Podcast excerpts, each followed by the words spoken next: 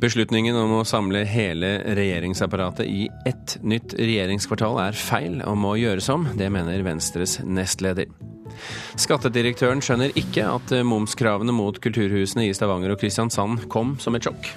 Jeg ser at dette kan være krevende, men, men, uansett så har vi i hvert fall hatt en diskusjon med dem om dette. Så helt som lyn fra klar himmel kan ikke dette heller komme. Men det er ingen grenser for hva vi kan vise på film lenger, og det gjør skuespilleryrket vanskeligere. Det sier Hollywood-stjernen Mark Ruffalo til Kulturnytt. Han spiller i den nye Avengers-filmen, som vår anmelder mener man blir litt ko-ko i hodet av å se. Du hører på Kulturnytt med Birger Kolsrud Aasund i studio. Regjeringen må endre beslutningen om å samle alle departementene i ett kvartal. Det mener Ola Elvestuen, stortingsrepresentant og Venstres nestleder. I går møtte han vår reporter på utstilling som viser forslagene til hvordan et nytt regjeringskvartal kan se ut. Elvestuen mener utstillingen viser at kvartalet blir så høyt og massivt at det vil være ødeleggende for byen. Det er jo gode arkitekter. Så problemet med parallelloppdraget er at det er den forståelse at alle departementer skal samles på ett sted, så nær som ett. Og da blir volumene altfor store i forhold til tomta og byen og omgivelsene omkring. Ja, hva er problemet sånn som uttrykket er her? Det er jo de massive høydene som man legger opp til. Hva det vil bety for Youngstorget, hva det vil bety for hele, hele inntrykket av regjeringskvartalet i byen. Vi skal huske på at Det viktigste byggene i Oslo det er Stortinget, det er Slottet. For byen er det Rådhuset. Og så må regjeringskvartalet plassere seg i forhold til det. Og Da kan du ikke ha de enorme volumene som det her legges opp til tre 90 meter høye skyskrapere, nesten dobbelt så høye som Høyblokka, eller et gigantisk bygg som omringer Høyblokka og går i bro rett over ærverdige Møllergata 19. Dette er noen av ideene som Ola Elvestuen og andre interesserte kan studere på utstillingen i regjeringskvartalet i disse dager. Bakgrunnen er regjeringens beslutning fra mai i fjor om å samle alle departementer unntatt forsvar i et begrenset geografisk område mellom Akersgata og Møllergata, det såkalte østalternativet. Den beslutningen er endelig, sier statssekretær Pål Schaffi i Kommunal- og moderniseringsdepartementet. Når man tar en beslutning, så er det jo meningen at den skal gjennomføres. Men det blir uansett ganske stort og massivt? Ja, det vil det sikkert være litt ulike meninger om. Det vi har vært opptatt av, er at både sikkerheten og det å få til åpne byrom og det å få en, en, en tilgjengelighet for befolkningen og få en god samhandling i, i, staten mellom departementene, alle de trekker i retning av en samlet lokalisering. Fordi alternativet med stor spredning, hvor man må ha stengte gater og sikkerhetstiltak veldig mange steder, er et dårligere alternativ for byen enn det alternativet som er lagt fram her. Debatten om nytt regjeringskvartal har mest dreid seg om bevaring av Høyblokka, litt om Y-blokka og knapt noe om hvor mye som skal samles. Regjeringens beslutning må gjøres om, sier Venstre og Ola Elvestuen. Vi kan gjenoppbygge regjeringskvartalet og fortsatt ha eh, departementer ulike steder i byen, og ivareta sikkerheten på en veldig god måte. Reporter her, det var Olav Juven. Til tross for at regjeringen ikke vil gjøre om på vedtaket om samlokalisering, mener byrådslederkandidat for Arbeiderpartiet i Oslo, Raymond Johansen, at det er god grunn til å ta en ny debatt om dette. Selv om premisset helt har vært her at man skal ha en samlokalisering, så er det jo ingen tvil om at det ser ganske massivt ut i forhold til de forslagene. Og vi har hele tida vært veldig opptatt av at det også skal være folkeliv og åpenhet. Og at vi ikke kan ha en overvektig borg midt i Oslo, selv om her er det mange gode løsninger. Men det kan være en spennende debatt framover nå. Trengs det en ny vurdering av om det er rett å samlokalisere? Vi har ikke fattet en beslutning om det. Vedtaket, jeg skjønner jo at regjeringen vedtaket ligger jo foreløpig fast rundt det, men jeg tror nok man må tåle at flere kommer og har sterke synspunkter på dette. Også fordi at man har jo innredet departementet både Kirkegaten og Kongens gate som jo for så vidt fungerer. Og så er det en avveining mellom sikkerhet, åpenhet Eh, og Det er også det å ha aktive fasader eh, mot parkrommene, at man også kan ha folkeliv og åpenhet, vil være veldig viktig. Og Mange byer har jo klart å få til dette, i tillegg av en god sikkerhet. Så jeg gleder meg og ser fram til nødvendige debatter om dette framover. Ja, hva synes du om at vi kan få et stort område midt i sentrum, som i hovedsak er kontorlokaler og i tillegg er preget av massiv sikkerhet? Jeg mener at uh, mange byer har vist at det er mulig både å ha folkeliv og åpenhet, pluss at det er uh, sikkerhet. Men da må også kanskje sikkerheten først og fremst være til de lukkede og beskyttede fasadene. Også det har man klart andre steder. Så jeg vil gi honnør for at man har hatt denne arkitektkonkurransen, at man har fått visualisert hvordan Oslo framtidig vil kunne se, se, ut. og Da er det jo nettopp for å ha den, den debatten vi, vi, nå får. og Så vet jeg at det ligger et premiss om en samlokalisering. Men det er ingen, ty, ingen tvil om at dette ser veldig massivt ut. og Det er ikke ønsket at vi skal ha en steinørken i sentrum hvor det ikke er noe byliv og folkelighet om, om kvelden. Så, og andre, på andre tidspunkter av døgnet. så tror dette vil være en nødvendig eh, debatt framover. Og at eh, jeg er glad for at staten har tatt med, med Oslo, og alle Oslos partier og innbyggere bør kunne delta i, i denne viktige debatten framover om hvordan framtidas Oslo vil være. Fordi de vedtakene man nå gjør, vil stå seg uoverstigelig eh, framtid. Så da må man også eh, tåle debatten rundt det. Ola Elvestuen i Venstre sier at regjeringens beslutning må gjøres om. Er du enig i det? Vi har, ikke tatt noe, har ikke tatt noe standpunkt rundt det nå. Dette er en statlig regulering, og Oslo Arbeiderparti vil jo komme tilbake til det. Men i utgangspunktet ligger beslutningen fast. Så vil jeg samtidig si at jeg forstår at det vil være en debatt også rundt dette med samlokalisering. Ja, det sa Arbeiderpartiets byrådslederkandidat i Oslo Raimond Johansen til reporter Andrea Kvammehagen. NRK har fått en internasjonal mediepris for en serie på nett om drap og psykisk sykdom. Juryen for European Digital Media Awards mente at NRK har levert fremragende arbeid innen datastøttet journalistikk. Serien dokumenterte hvor mange som er blitt drept av alvorlig psykisk syke de siste ti årene. Den amerikanske skuespilleren Meryl Streep starter skole for kvinnelige manusforfattere over 40. Prosjektet, som kalles Writers Lab, er et samarbeid mellom bransjeorganisasjonen for kvinner i amerikansk film og TV og et kvinnelig filmkollektiv i New York. Meryl Streep har gitt penger til prosjektet, som skal utdanne åtte manusforfattere, melder SVT.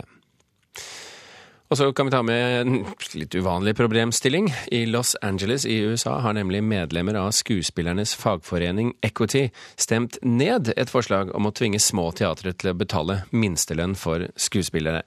Det har eh, ikke teatrene råd til, og alternativet er at mange må stenge dørene. Og skuespillerne som spiller for eh, småpenger, ser på teatrene som et utdanningssted og en sjanse for å bli oppdaget av en agent. Det melder BBC.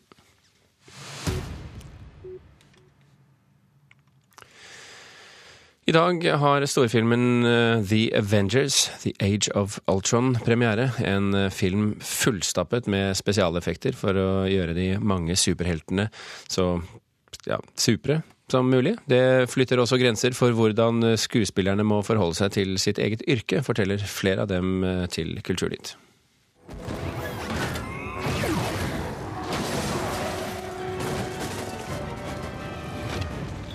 Det knuses, kastes og krølles alt fra biler til slott, og ja, en hel bydel i den siste Avengers-filmen. Og med så mange superhelter og ikke minst superskurker samlet på ett brett, er det kanskje ikke så rart. Og animasjonene og grafikken som brukes, gjør det hele stadig mer troverdig, sammenlignet med tidligere tider hvor det var fysiske modeller som ble brukt. Men det gjør også selve skuespilleryrket ganske så annerledes. Det forteller bl.a. Chris Evans, som spiller Captain America. To, you know, X spots on, on a wall, but if if you don't have a human connection to it, if you don't come to set every day believing you're acting no different than you would if you were, you know, performing, you know, Shakespeare on the London stage, du må spille som om du fremfører Shakespeare på en teaterscene i London, sier Evans, som ikler seg trikot og et uovervinnelig skjold for tredje gang i denne filmen. this vulnerable world need something more powerful than any of us. Dette er den andre og absolutt siste gangen som Joss Whedon skriver manus og regisserer en film om superheltene i The Avengers. Det gjør han helt klart overfor NRK. Men selv om han synes det var en forferdelig slitsom jobb, så er han også litt stolt over resultatet, selv om han aller helst vil understreke at han alltid er skuffet. Well, I'm always unhappy. Um, but there's so much stuff up there. I'm so proud of everybody. Of the actors and the crew, and you know, I think you know, there's stuff up there that I'm, I think is some of the best stuff I've ever done. You're Bruce Banner. Right? Don't mention puny Banner. Som i tidligere filmer er flere av figurene kun dataanimerte. En av dem er en av hovedpersonene, den grønne og sinte hulk. Mannen som spiller hans roligere alter ego, Bruce Banner, heter Mark Ruffalo. Han mener ikke lenger finnes noen grenser for hva som kan gjøres. Uh, not, you know, you're no longer confined to this body or way you look or your size, the way you move. Now you have this whole, whatever you can imagine, you can create. Samtidig understreker han at det blir stadig mer utfordrende å være skuespiller fordi du ikke aner hvordan tingene blir seende ut før lenge etter å ha spilt dem inn. It takes a very, very uh, agile and and um, uh, well trained imagination to, to do it. But I created something terrible. Ultron in the flesh. Ennå er det planlagt tre filmer i Avengers-serien, og den siste skal være klar i 2019. Trolig enda mer effektspekket enn denne. Espen Aas, London. Og denne filmen, 'Avengers Age of Ultron', eh, har mot normalt premiere i dag, på en onsdag. Og NRKs anmelder Birger Vestmo syns at eh, mye morer, underholder og imponerer, men at man blir litt koko i huet av å se den. There's only one path to peace. Their extinction. Mer av alt er av og til litt for mye. Avengers Age of Ultron hamrer konstant action inn i en to timer og 21 minutter lang film, og etterlater meg i en nummen tilstand der de umiddelbare minnene er full av digitale eksplosjoner og hardtslående helter som fyker forbi retina. Denne filmen er overlessa av alt, i håp om at alle vil bli truffet av noe. Og det er mange ting som morer, underholder og imponerer, samtidig som det ligger en interessant tematikk bak. Men man blir litt ko-ko i hodet av det. Tried to create a suit of armor around the world, but I created something terrible. Artificial intelligence. Utgangspunktet for filmen er det her. Avengers-gjengen, Iron Man, Thor, Captain America, Black Widow, Hulk og Hawkeye får tak i Lokes septer. Tony Stark og Bruce Banner vil bruke septerets kraft til å skape Ultron, en kunstig intelligens som skal avlaste Avengers og sikre fred. Men noe går galt, og plutselig må Avengers kjempe mot Ultron for å unngå jordas undergang.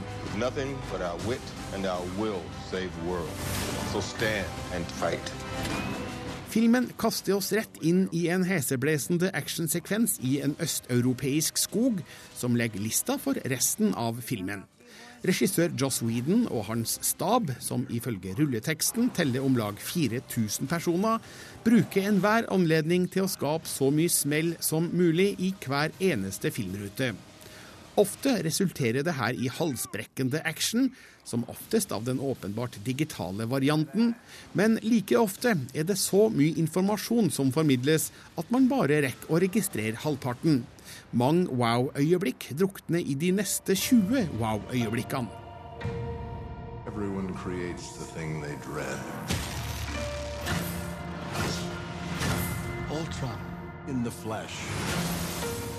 Heldigvis er det dyktige skuespillere som fyller rollene, og de bruker de få vinduene de har til rådighet til å gi figurene emosjonell dybde. Særlig utforskes forholdet mellom Black Widow og Hulk videre, samtidig som vi får innsikt i Hawkeyes private sfære. Figurene må òg takle situasjoner der de må innse at de ikke bare er en del av løsninga, men også problemet. Regissør Joss Whedon veksler effektivt mellom storslått helteaction og mer intim figurutvikling.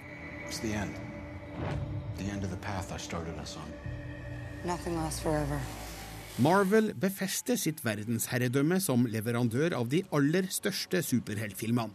Publikum får det de kommer for å se. Spørsmålet er bare om de får en overdose. Avengers Age of Ultron forsøker nemlig å gjøre alt samtidig, og det hender jeg tenker den kun har gjort mindre og vært bedre. Men denne filmen var aldri ment å være et intimt lite kammerdrama. Det her er en eneste lang popkornfest.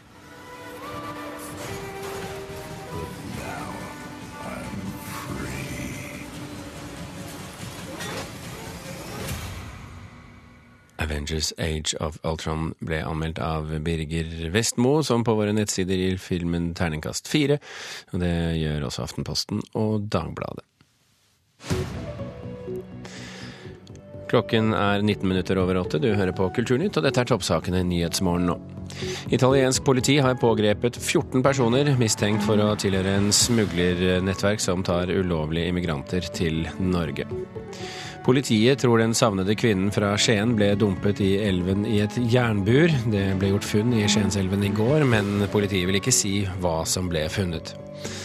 Og mobilselskapene lurer folk. Nesten alle bryter markedsføringsloven når de reklamerer for sin 4G-dekning, mener Forbrukerombudet. En lav kulturmoms er løsningen for fremtiden. Det mener kulturhusledere og eiere etter momssjokket forrige uke.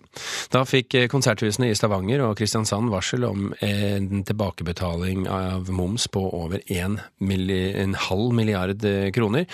Men rådmann i Hamar, Terje Halvorsen, mener mye trøbbel kunne vært unngått med en lik moms for alle.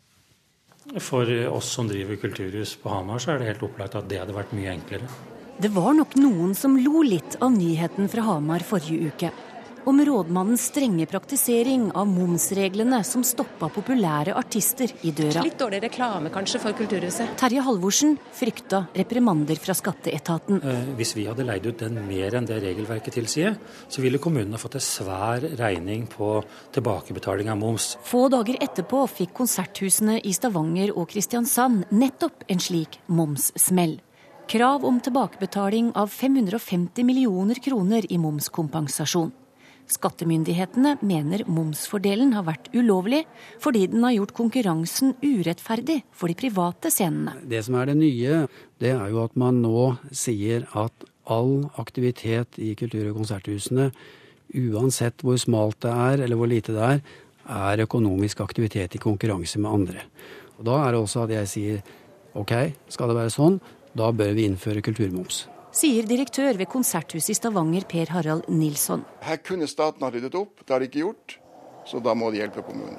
Sier Trond Okkelmo, tidligere direktør og rådgiver for Norsk teater- og orkesterforening.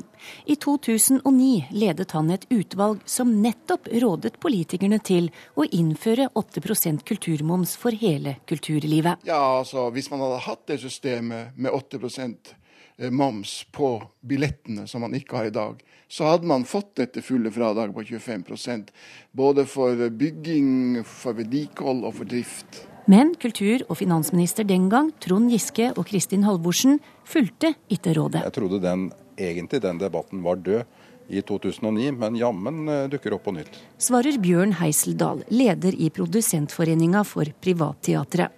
Han mener at de nå prøver å sende regninga for dyre kulturhus over på de private. Det er jo helt uh, dønn urettferdig, spør du meg. De har visst hva de gjorde. De har bedt om uh, momsrefusjon i forbindelse med bygging av disse uh, palassene sine, og da får de jammen ta regninga også, ikke bare skyve den over på andre. I dag skal rådmannen i Hamar orientere politikere i byen om forholdet kulturhus og moms. Og da er det helt klart at noe særlig mer populærkonserter blir det ikke. Nei, Vi kan ikke ha noe vesentlig mer kommersielle aktører uten at vi gjør noen ting med den momskompensasjonen. Men fortsatt syns han momsreglene er uklare på hvordan definere hvilken kultur som er i konkurranse med andre. Akkurat i dag så er min vurdering at vi vi fortsetter innenfor den tolkinga som vi har gjort, og som vi, i, som, som vi, har avklart med vår revisjon. Denne gang er det Toril Vidvei og Siv Jensen som skal gi svar i kulturhusenes momsutfordring. Da vil jeg råde kulturministeren til å lansere tanken om eh, lavmoms på kultur for finansministeren. Det sa direktør for Konserthuset i Stavanger, Per Harald Nilsson. Og la meg bare påpeke at Trond Okkelmo bare var medlem av Kulturmomsutvalget, ikke leder, slik det ble sagt her i saken. Reporter her, det var Torunn Myhre. Skattedirektør Hans Christian Holte syns det er underlig at kulturhus og kommuner ikke har vært forberedt på at de store momskravene kunne komme. Eh, jeg ser at dette kan være krevende, men, eh, men, eh, uansett så har vi i hvert fall hatt en diskusjon med dem om dette. Så helt som lyn fra klar himmel kan ikke dette heller komme. Det er jo flere som mener nå at regelverket er så komplisert at det hadde vært både lettere og mer lønnsomt å innføre denne momsen på 8 Hva, hva syns du om det? Det er veldig enkelt. Det har jeg ingen synspunkter på som skattedirektør. Det må du spørre politikerne om. Det er to spor i denne saken. Det ene er å tolke regelverket som finnes i dag riktig. Det andre er å se på eh, fra politikernes side om hensynene man ønsker å ivareta er godt nok ivaretatt med dagens regler. Er den kravene her et uh, lite spark i baken til politikerne, at de burde tydeliggjøre reglene? Jeg tenker på helt generelt grunnlag at vi har interesse av eh, både det offentlige og, og ikke minst eh, også de som skal reguleres, eh, av at vi får et så enkelt regelverk som mulig. Så ja, på helt generelt grunnlag så vil jeg nok si at jo enklere vi klarer å gjøre regelverket, f.eks. på dette området, jo bedre. Der tror jeg vi har en felles interesse. Politikere, forvaltning som jeg representerer, og, og selve næringen som reguleres. Så det burde forenkles? Det bør forenkles, det bør det. Men det vi ser i denne saken når vi går litt inn i den og, diskuterer ulike sider av den, det er jo at det er mange ulike hensyn som står og balanserer mot hverandre. Det er en situasjon jeg kjenner godt igjen fra mange deler av skatteregelverket. Ja, det sa skattedirektør Hans Christian Holte til reporter Runa Rød. Denne momssaken blir også tema når Kommunenes Sentralforbund i dag møter regjeringen. Og nå til det vår litteraturkritiker kaller en sjelden roman. Lena Andersson fikk sitt store gjennombrudd i fjor med romanen 'Rettsstridig forføyning'. Bak den litt tørre tittelen så skjulte det seg en lidenskapelig kjærlighetshistorie som utløste gode kritikker og flere priser, blant annet Sveriges gjeveste pris, Augustpriset. Også årets roman har en noe mer sånn juridisk klingende tittel, 'Uten personlig ansvar', og ja, også denne gangen handler det om den lidenskapelige kjærligheten. Sjøl las jeg aldri gjennombruddsromanen til Andersson, men jeg har fått med meg at den handler om forfatteren Ester Nilsson, som kasta seg ut i et heftig forhold til en noe eldre kunstner. For henne var det djupt alvor, for han var det bare et lite eventyr, viste det seg. Ester Nilsson er et brent barn, men hun skyr ikke elden av den grunn. Når hun i årets roman kjenner vibrasjonene i møte med den litt eldre skuespilleren Olof, slår hun til. Den bitre lærdommen fra sist var at eh, hun hadde vært for utydelig om hva hun ville, derfor går hun denne gangen rett på sak og forteller den forbløffa Olof at hun vil leve resten av livet sitt med han. Men så viser det seg at det allerede finnes ei kvinne som deler livet sitt med denne mannen. Den kloke, analytiske, verbale og suverene Ester har igjen havna i et asymmetrisk forhold, der Olof dukker opp og trekker seg tilbake etter hva som passer han. Et kor av venninner som husker bedre enn hun sjøl gjør, minner henne på hva som skjedde sist, og trygler henne om å bryte med Olof. Det gjør hun også, flere ganger, fordi de ser så ulikt på forholdet. Hun vil ha hele han, hun vil ha alt eller ingenting, hun vil at han skal velge å stå på valet sitt. Han syns han har det helt fint slik som det er. Og Ester, ja, hun forhandler med seg sjøl og kommer fram til at litt Olof er bedre enn ingen Olof. Om eh, dette virker ufattelig banalt, ja, så må jeg ta det hele og fulle ansvaret, for romanen er slett ikke banal. Rett nok lurer Ester seg sjøl til å tro at Olof er på nippet motet til å forlate kona si straks han sier noe kritisk om henne, og det er banalt. Men Ester har også tankevekkende refleksjoner over hva vi mennesker gjør ut av livet vårt, hva vi krever av oss sjøl, og hva vi venter av andre. Hun viser oss kreftene som ligger i kjærleiken, og som kan gjøre livet rikt og stort den ene dagen, og totalt blotta for mening den neste. Når Ester ikke greide å lære av egne feil, er det ingen grunn til å tro at leserne vil kunne bruke boka om henne som handbok i kjærleikskunsten. Men romanen om kvinner som insisterer på kjærleiken, er likevel fascinerende og meddrivende lesning. Ja, uten personlig ansvar er en sjelden roman. Det sa vår kritiker Marta Norheim om romanen 'Uten personlig ansvar', som nå er oversatt til norsk av Bodil Engen. Kulturnytt er i ferd med å runde av, men vi rekker å ta med til slutt at eh, det nå blir gode nyheter, for i dag er kampanjedagen til verdens beste nyheter.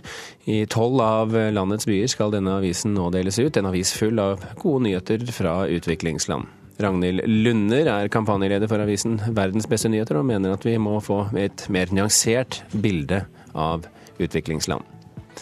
I Kulturnytt i dag har vi hørt at beslutningen om å samle hele regjeringskvartalet i regjeringsapparatet i ett nytt regjeringskvartal er feil og må gjøres om. Det sa Venstres nestleder Ola Elvestuen. Leder av Oslo Arbeiderparti, Raymond Johansen, strakk seg ikke så langt, men mener det er naturlig at debatten om samlokalisering tas på nytt. Kulturnytt fikk du i dag av Andrea Kvamme Hagen, Lars Tronsmoen og Birger Kålsrud Jåsund.